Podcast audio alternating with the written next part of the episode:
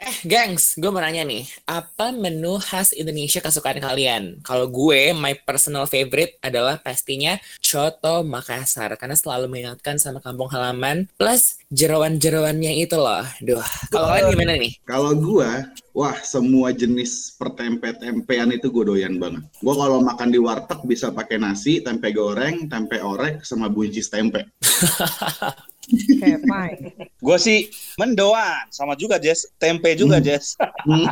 Asli kampung gua soalnya. Anyway, proudly. Aika, kalau Aika nih? Kalau gue jujur li gue doyan ini daun ubi tumbuk pakai rebung terus bisa dimakan sama daging B2 tuh paling enak. Tapi kalau mau halal ya bisa ayam ya kan. Atau sama tempe nih. Itu juga enak tuh. Tempe goreng Hmm. tuh. Tapi emang tempe itu kayaknya selalu di hati ya. Tapi nih ya, kalian pernah gak sih kebayang kalau misalnya one day tempe itu akan punah? Ah, jangan bercanda. Nda. Memangnya satwa dilindungi. Tapi serius, serius, serius kak. Jadi bahan baku tempe ini kan kedelai nih. Belakangan ini harga kedelai ini lagi naik sampai kira-kira 11.000 ribu apa ya per kilonya tuh. Nah makanya kemudian perajin tahu dan tempe berencana mogok produksi tanggal 21 sampai 23 Februari besok mereka kayaknya bakal mogok produksi nih. Aduh, kalau pada mogok, bisa-bisa puasa nih kita nggak makan tempe dulu. Ini agak nggak mungkin banget nih secara tempe kan udah pakem banget buat masyarakat kita. Apalagi dia kan juga penuh kandungan gizinya gitu. Enggak cuman itu guys, tapi murmer kan, murce gitu alias murah meriah gitu. Lah, makan apa kita nih anak kosan kayak gua? Tengah bulan pula. Mau gue pesenin nih kode. Ayam makdi, kopi star bucek, tongseng kambing, es boba. Ya, ngelunjak dia. Ngerampok. Dia ngelunjak. Gimana? Anyway, anyway, anyway, kita masih bersiaran online. Kamu sekarang sedang menyimak Famo Sapiens dari KBR Prime, jalan pintas yang gak akan bikin kamu ketinggalan berita atau peristiwa di sekitar kamu. Bersama saya Ian Hugen. Dan saya Aika juga bareng teman-teman dari podcast Hamburger, sebuah ruang terbuka yang ngebahas isu sehari-hari dari kacamata HAM. Ada siapa di sini? Awigra pencinta mendoan. Dan Jess, tempe entusias.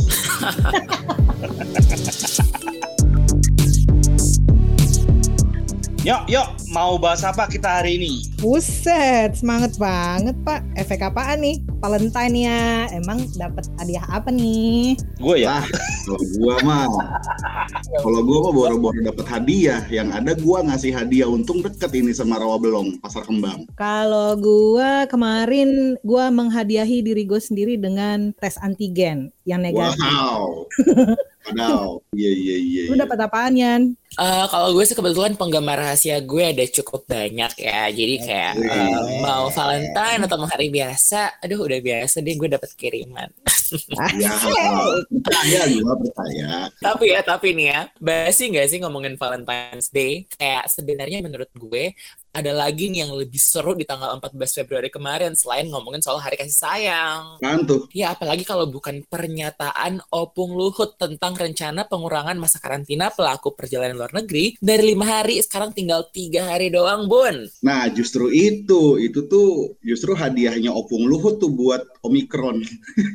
hadiah Valentine buat Omikron tuh. Wah, makin berkurang aja nih. Padahal bukannya COVID lagi naik-naiknya ya. Depan, belakang, kiri, kanan. Ada aja nih yang positif perasaan. Makanya kita juga masih siaran dari rumah kan. Yoi, jangankan pelonggaran masa karantina ya. Pelonggaran PPKM aja bisa bikin penambahan kasus meroket. Udah banyak banget tuh contohnya, tinggal pilih aja lo mau dari klaster mana. Klaster lebaran kah, klaster Nataru kah, atau sekolah PTM kah, itu pasti banyak banget kasus yang muncul dari klaster-klaster itu. Eh, lebaran tahun lalu kan naik banget ya lonjakan kasusnya. Tahun 2020 itu naik sekitar 93-an persen kan. Hmm. Di 2021 naik lagi jadi 112 persen. Tahun-tahun kemarin deh, sejauh ini aja, Kemkes udah prediksi akan adanya lonjakan kasus Omikron di luar Jawa Bali sekitar 2-3 minggu lagi. Nah loh, eh, itu kemarin juga gue sempat baca sih di Papua sama NTB kan kasus hariannya aja tuh udah nembus puncak gelombang kedua COVID. Lah gimana lagi nih kalau misalnya PPLN bebas karantina? Para ya, menuju puncak, gemilang cahaya. Tapi gue setuju banget sih Bun, walaupun katanya peraturan ini baru berlaku paling cepat minggu keempat bulan Februari atau 1 Maret 2022 gitu, tapi ada beberapa persyaratan untuk karantina dalam waktu tiga hari nih. Jadi kayak nggak buat semuanya juga sebenarnya sebenarnya. Yang pertama, pastinya harus udah menerima vaksin booster terlebih dahulu. Terus juga tetap melakukan entry dan exit test PCR. Terus exit test PCR dilakukan di hari ketiga, di pagi hari dan kalau memang negatif baru boleh keluar. PPLN yang sudah selesai karantina juga diimbau untuk tes PCR mandiri di hari kelima dan melapor ke puskesmas atau fasilitas kesehatan terdekat. Gitu. Oh, kalau gitu sih berarti basicnya sama aja lah ya. Cuman emang kalau udah vaksin booster, karantinanya jadi cuma tiga tiga hari. Tapi ada yang lebih bikin gua nggak nyangka lagi sih. Gua sampai yang, hah serius nih? Yaitu rencana soal bebas karantina di 1 April 2022. Ya salam, ya salam si Opung. Tapi ini emang kan katanya si Opung sama Menparekraf Sandiaga Uno ada rencana bebas karantina nih untuk PPLN. Tapi kan kita agak gimana-gimana gitu ya. Apalagi kan mengingat si Om Ikron ini kan datangnya dari WNA-WNI yang dari luar negeri tuh. Lah, terus kalau bebas karantina, ntar yang datang siapa lagi? Tante Ikron. Pak Sutri kale. Eh, tapi nggak apa-apa, Deng. Di sini kan hanya menerima tamu pasangan suami istri dan harus menunjukkan bukti KTP, buku nikah, dan akta lahir. Hotel sorry ah kali bun. Ini ya, Menperkeraf ini memang semangat banget, memang kayak yakin kita sudah bisa lepas dari bebas karantina atau gara-gara mau ada Marquez uh, MotoGP. Iya bisa jadi mungkin itu salah satunya ya. Tapi semua rencana ini emang tetap ngikutin perkembangan kasus COVID-19 dulu kan ya, termasuk si rencana bebas karantina di 1 April nanti. Jadi kayaknya masih tergantung situasi ke depannya dan angka vaksinasinya juga deh. Jangan-jangan tergantungnya tergantung balapan nih. Eh. Nah itu dia. Kira-kira Ya kalau kan balapan sama Marquez siapa yang menang tuh?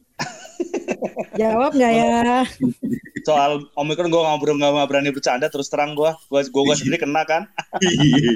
Eh, lagian ini kan si Menparekraf Sandiaga Uno kan juga pernah menegaskan ya kan, kalau pemerintah nggak terima nih MotoGP Mandalika dibatalin karena aturan karantina. Karena Indonesia tuh lagi getol banget gitu menangani pandemi dan kebijakan ekonomi. Nah, ini juga disinggung oleh epidemiolog Fakultas Kesehatan Masyarakat UI, Tri Yunis Miko yang bilang pemerintah kesannya tuh lebih mentingin ranah ekonomi gitu dibandingkan kesehatan. I see. Jadi itu kesannya kayak penanggulangan COVID-19 itu di nomor dua kan gitu ya. Elah malah baper.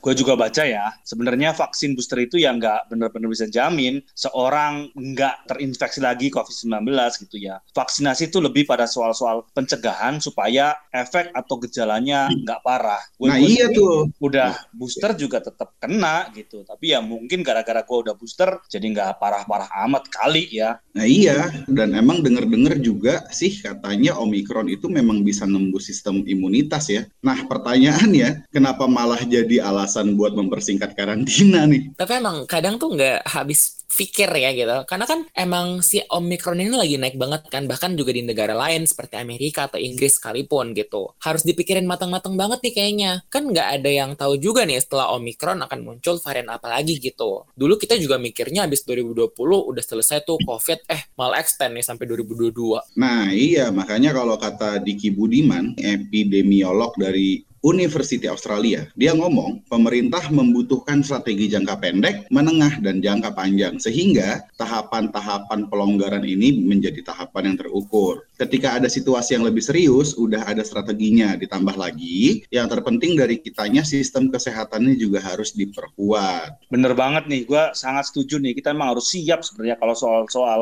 ini, apalagi soal Omikron ini ya. Jadi kalaupun harus melonggarkan PPLN ya, resikonya nggak tinggi-tinggi banget jadinya. Exactly. Selain itu, mau karantina tetap ada ataupun enggak, mitigasi itu harus tetap dilakukan. Gimana caranya? Mulai dari memastikan pelancongnya sudah dalam proteksi penuh, mau itu booster, PCR negatif, dan lainnya. Kalau udah bebas karantina kan udah nggak perlu kabur-kaburan lagi tuh kayak yang kemarin rame. Jangan sampai ntar ada kasus baru lagi deh, PCR-nya positif tapi masih bisa berkeliaran. Yoi, setuju gue. Kalau udah sampai bebas karantina tapi masih ada yang kayak begitu, luar biasa banget sih. Luar biasa egoisnya. Ya, ngomong-ngomong negara lain ya, Indonesia itu termasuk sampai saat ini bertahan buat nggak ngasih izin masuk bebas karantina. Negara Asia lain seperti Kamboja, Fiji, India, Laos, Nepal, Filipina, Sri Lanka, Thailand, dan Uni Emirat Arab sudah ngebolehin pendatang masuk tanpa karantina. Nah, sama kayak Indonesia, Vietnam juga akan mengurangi masa karantina jadi tiga hari mulai 15 Februari kemarin. Jadi Indonesia sama Vietnam tuh agak mirip-mirip nih kebijakannya. Vietnam udah lama banget ya tutupnya ya. Dari awal Maret 2020 kemarin kan mereka udah nutup diri tuh. Malaysia juga katanya mau buka perbatasan paling cepat 1 Maret ini. Padahal mereka termasuk yang ketat banget tuh lockdownnya. Wah, jadi absen negara-negara Asia ya kita. Tapi nih ya, ada satu nih yang masih mengganggu pikiran gue. Apaan tuh? Ini kenapa rencana bebas karantinanya tanggal 1 April banget ya? Nanti kita udah semangat banget, eh tahu-tahu April mau lagi. ya elah, ya kali di prank pemerintah. Masih zaman Ya, April Mop ya. Lagian lu masih kaget-kaget banget kak di prank sama pemerintah, bukannya setiap hari kita di prank pemerintah. Pura-pura. Kagetnya settingan ya. Ember.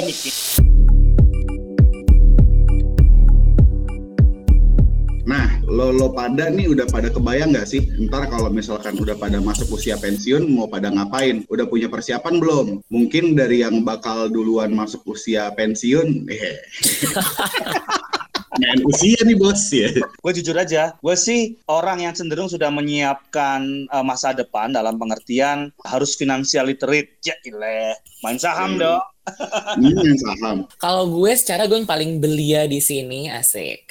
Em, sejujurnya belum berpikir sejauh itu ya, cuman emang karena gue sadar ini udah usia produktif gue nih saat ini, jadi ya mengumpulkan harta sebanyak-banyaknya biar bisa segera apa merdeka secara finansial dan pensiun dini kali ya.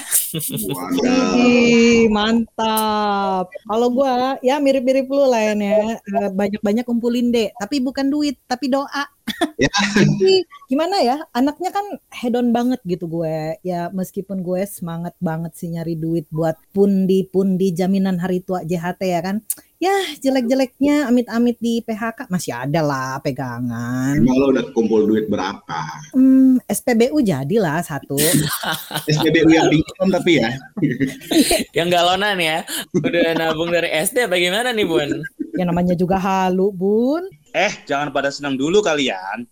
Ini kan udah pada tahu belum? Ada satu perubahan aturan untuk jaminan hari tua. Lengkap dengan tentu saja respon para buruh yang langsung geruduk gedung Kemenaker minta aturan baru itu segera dicabut. Lu pada ke mana aja nyenang-nyenangin mikirin SPBU dan JHT.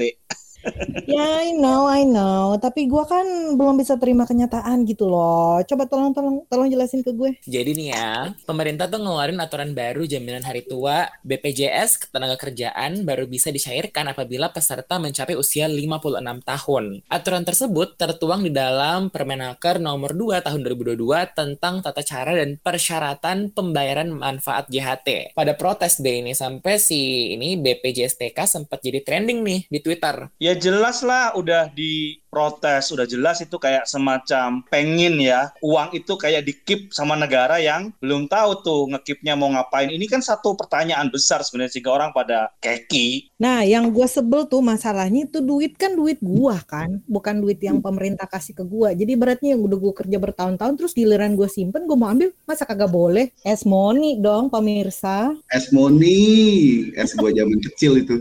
Anjir. Nah, makanya nih, ini nyambung sama yang tadi Aika ngomong soal di prank pemerintah yang dia pura-pura kaget itu. Contohnya soal JHT ini. Ini apalagi namanya kalau bukan cara pemerintah ngeprank warganya. Itu kan JHT bukan duitnya pemerintah tuh ya. Tapi hak para pekerja yang bahkan diambil sendiri dari upah si pekerjanya selama masa kerja. Lah, tahu-tahu kok malah pemerintah yang ngatur-ngatur soal boleh apa enggaknya diambil. Padahal di aturan sebelumnya, pekerja terkena PHK atau mengundurkan diri atau habis masa kontraknya itu bisa mencairkan JHT setelah satu bulan resmi tidak bekerja. Kalau di aturan baru ini yang kemarin sampai digeruduk sama para buruh ini, apabila buruh terkena PHK sebelum usia 56, maka dia harus nunggu mencairkan JHT sampai usianya memenuhi syarat. Lah itu kan sekata-kata bener ya aturannya ya. Iyalah, lu kalau udah dieksploitasi kemudian nunggu sampai 56 tahun gimana kagak cerit-cerit Jess. Tapi memang sebenarnya jelas ya respon orang yang tentu saja mempertanyakan alasan logisnya apa di balik ini yang sebenarnya perlu dijelaskan. Nah, kita lihat bahwa protes muncul dari karangan buruh macam-macam. Muncul juga petisi di change.org yang judulnya gara-gara aturan baru ini JHT tidak bisa cair sebelum 56 tahun. Yang sampai kemarin sore udah ditandatangani lebih dari 413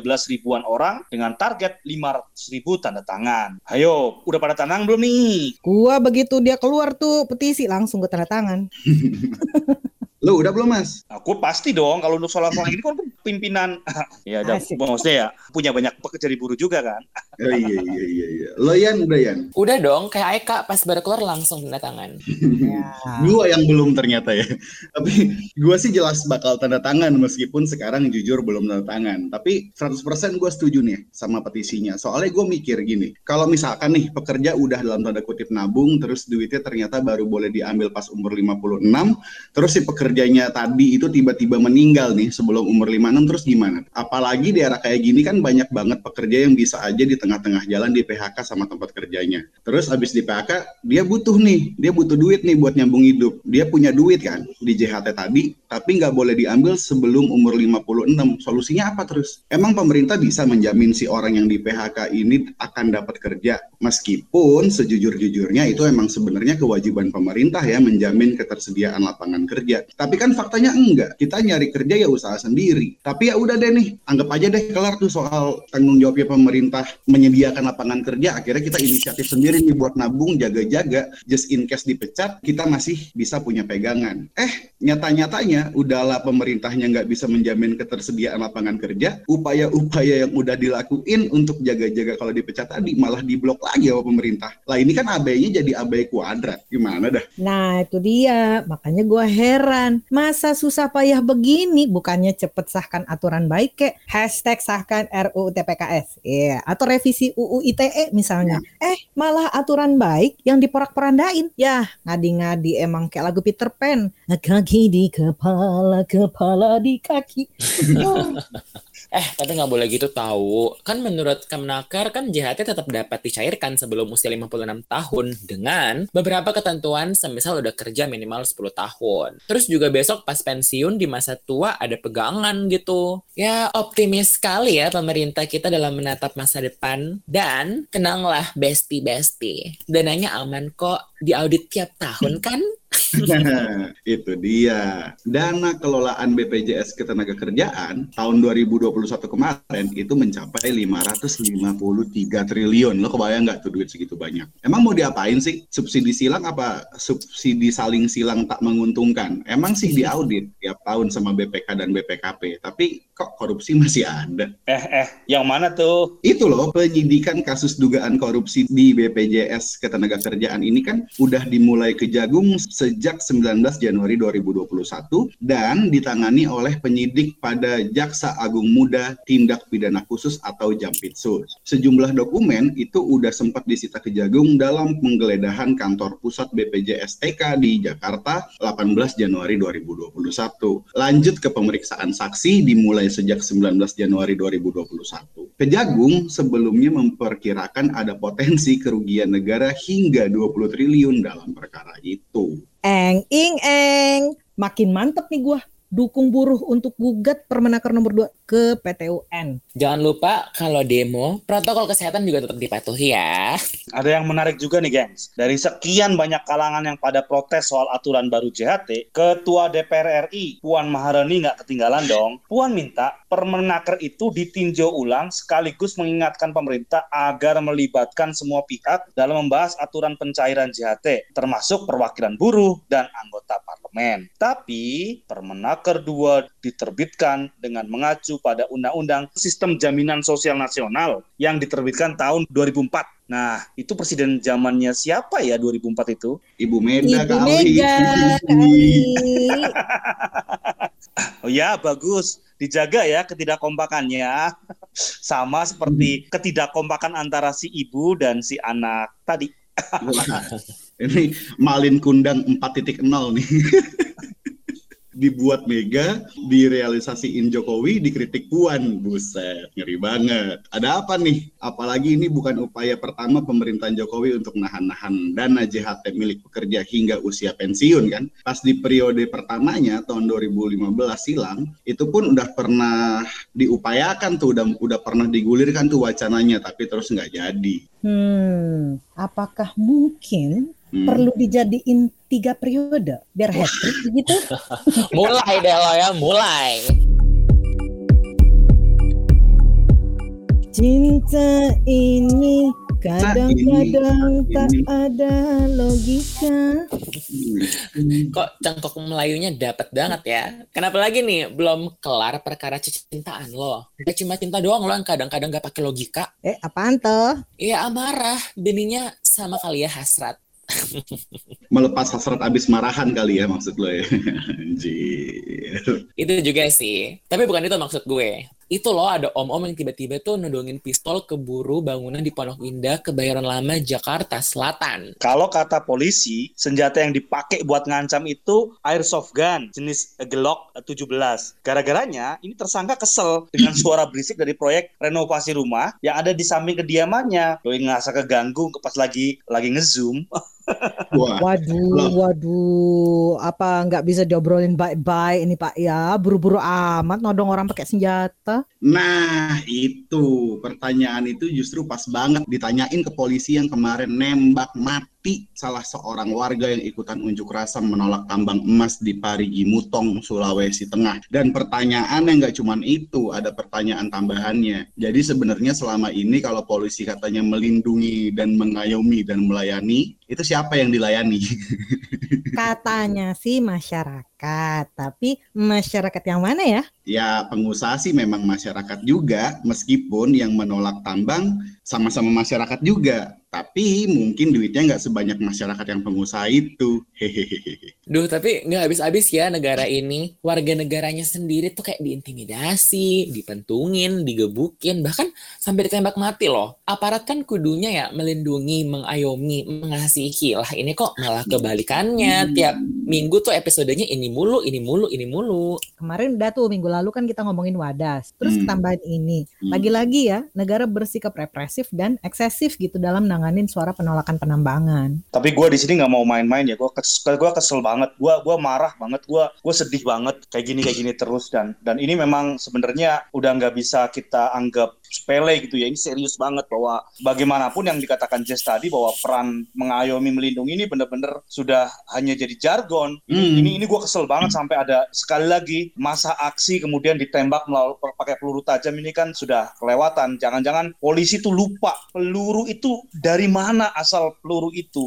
Itu dari uang rakyat, Bos. Itu dari APBN kita, Bos, dari pajak kita. Senjatanya juga dibeli dari pajak kita. Gajinya polisi dari pajak kita. Itu gua kesel banget tuh. Jangan-jangan polisi Asli. udah lupa. Nah, kemarin memang kita harus fair juga bahwa polisi juga ngasih pernyataan soal itu. Kepala Divisi Humas Polri, Inspektur Jenderal Dedi Prasetyo bilang kalau anggota kepolisian dilarang membawa senpi dan peluru tajam saat mengumumkan masa aksi. Ketentuannya sudah ada, diatur dalam prosedur operasional atau SOP. Katanya, aturan itu harus dijalankan saat pengamanan aksi unjuk rasa di Parigi, Mutong, Sulawesi Tengah. Lah, tapi kok masih ada yang bawa dan ditembakin ke warga lagi gitu? Lupa, kecolongan. Nggak ada yang kontrol atau pengawasannya nggak ada. Ini gimana ceritanya nih? Itu dia. Nah, kalau misalkan se- sedikit gue balik ke ngomongannya Mas Awi soal duit siapa yang dipakai buat beli peluru, duit siapa yang dipakai buat beli pistol, yang dipakai buat nembak mati si demonstran itu, itu selalu duit kita. Dan kalau misalkan kita diem-diem aja, itu sama aja sebetulnya kita ikut andil dalam pembunuhan itu. Dan gue sih nggak mau ya ikut andil dalam pembunuhan-pembunuhan tidak bermartabat seperti itu gitu.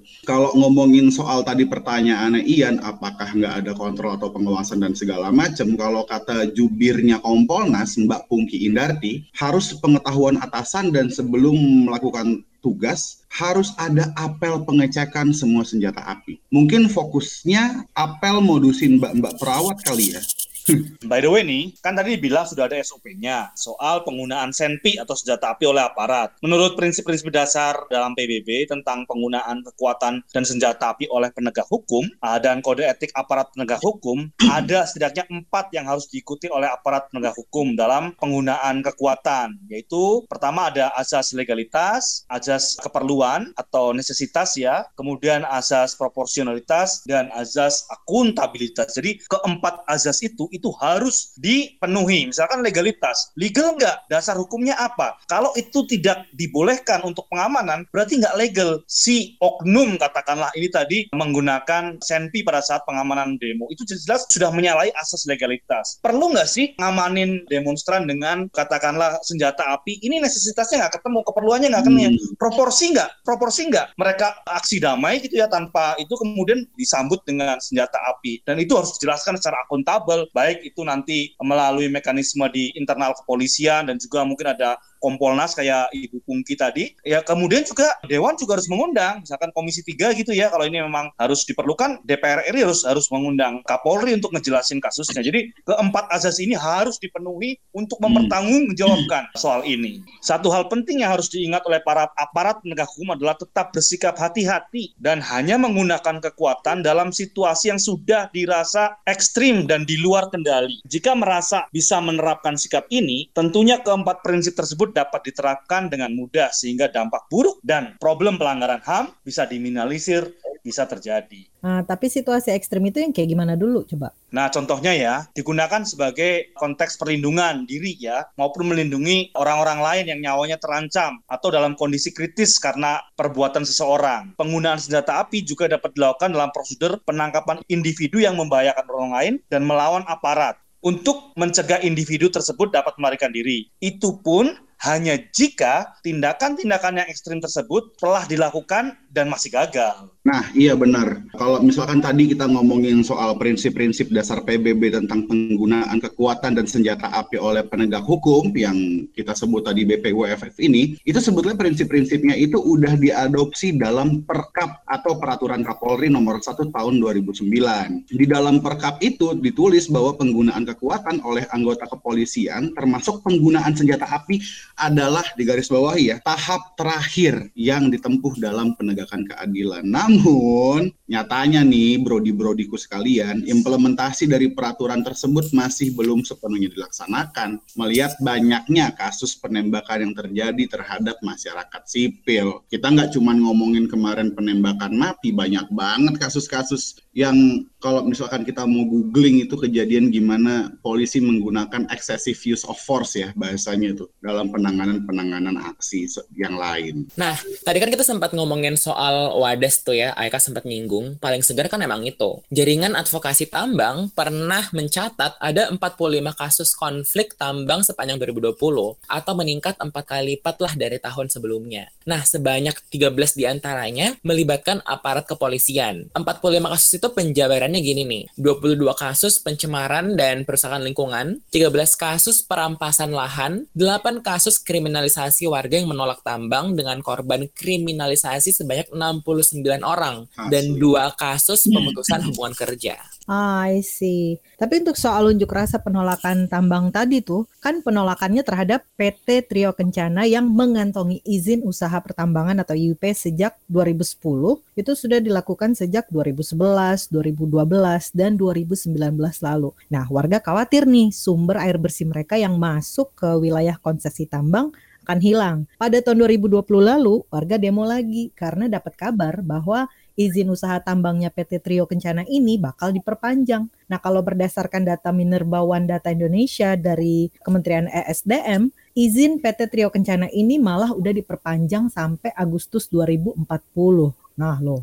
Nah, yang lebih parah lagi, warga di sana juga selama ini tuh nggak pernah diajak ngobrol-ngobrol soal itu, soal apakah mereka sepakat atau enggak dengan kehadiran tambang. Gua mau nambahin nih ya soal kebebasan menyatakan pendapat secara damai ya. Sebenarnya kita punya Undang-Undang 9 tahun 98 tentang kemerdekaan menyampaikan pendapat di muka umum yang menegaskan kemerdekaan menyampaikan pendapat adalah hak setiap warga negara untuk menyampaikan pikiran dengan lisan, tulisan dan sebagainya secara bebas dan bertanggung jawab sesuai dengan ketentuan peraturan perundang-undangan yang berlaku. Agaknya frase dengan ketentuan perundang-undangan yang berlaku kemudian diterjemahkan oleh pemerintah dan negara dengan bikin aturan lain yang kemudian membatasi warganya dalam menyampaikan pendapat. Misalkan Undang-Undang 320 tentang pertambangan minerba, di dalamnya ada pasal 162 ya yang melarang setiap orang untuk merintangi atau mengganggu kegiatan usaha pertambangan dari pemegang IUP, IUPK, IPR, SIPB setelah memenuhi persyaratan. Pelanggaran terhadap aturan ini bisa dipidana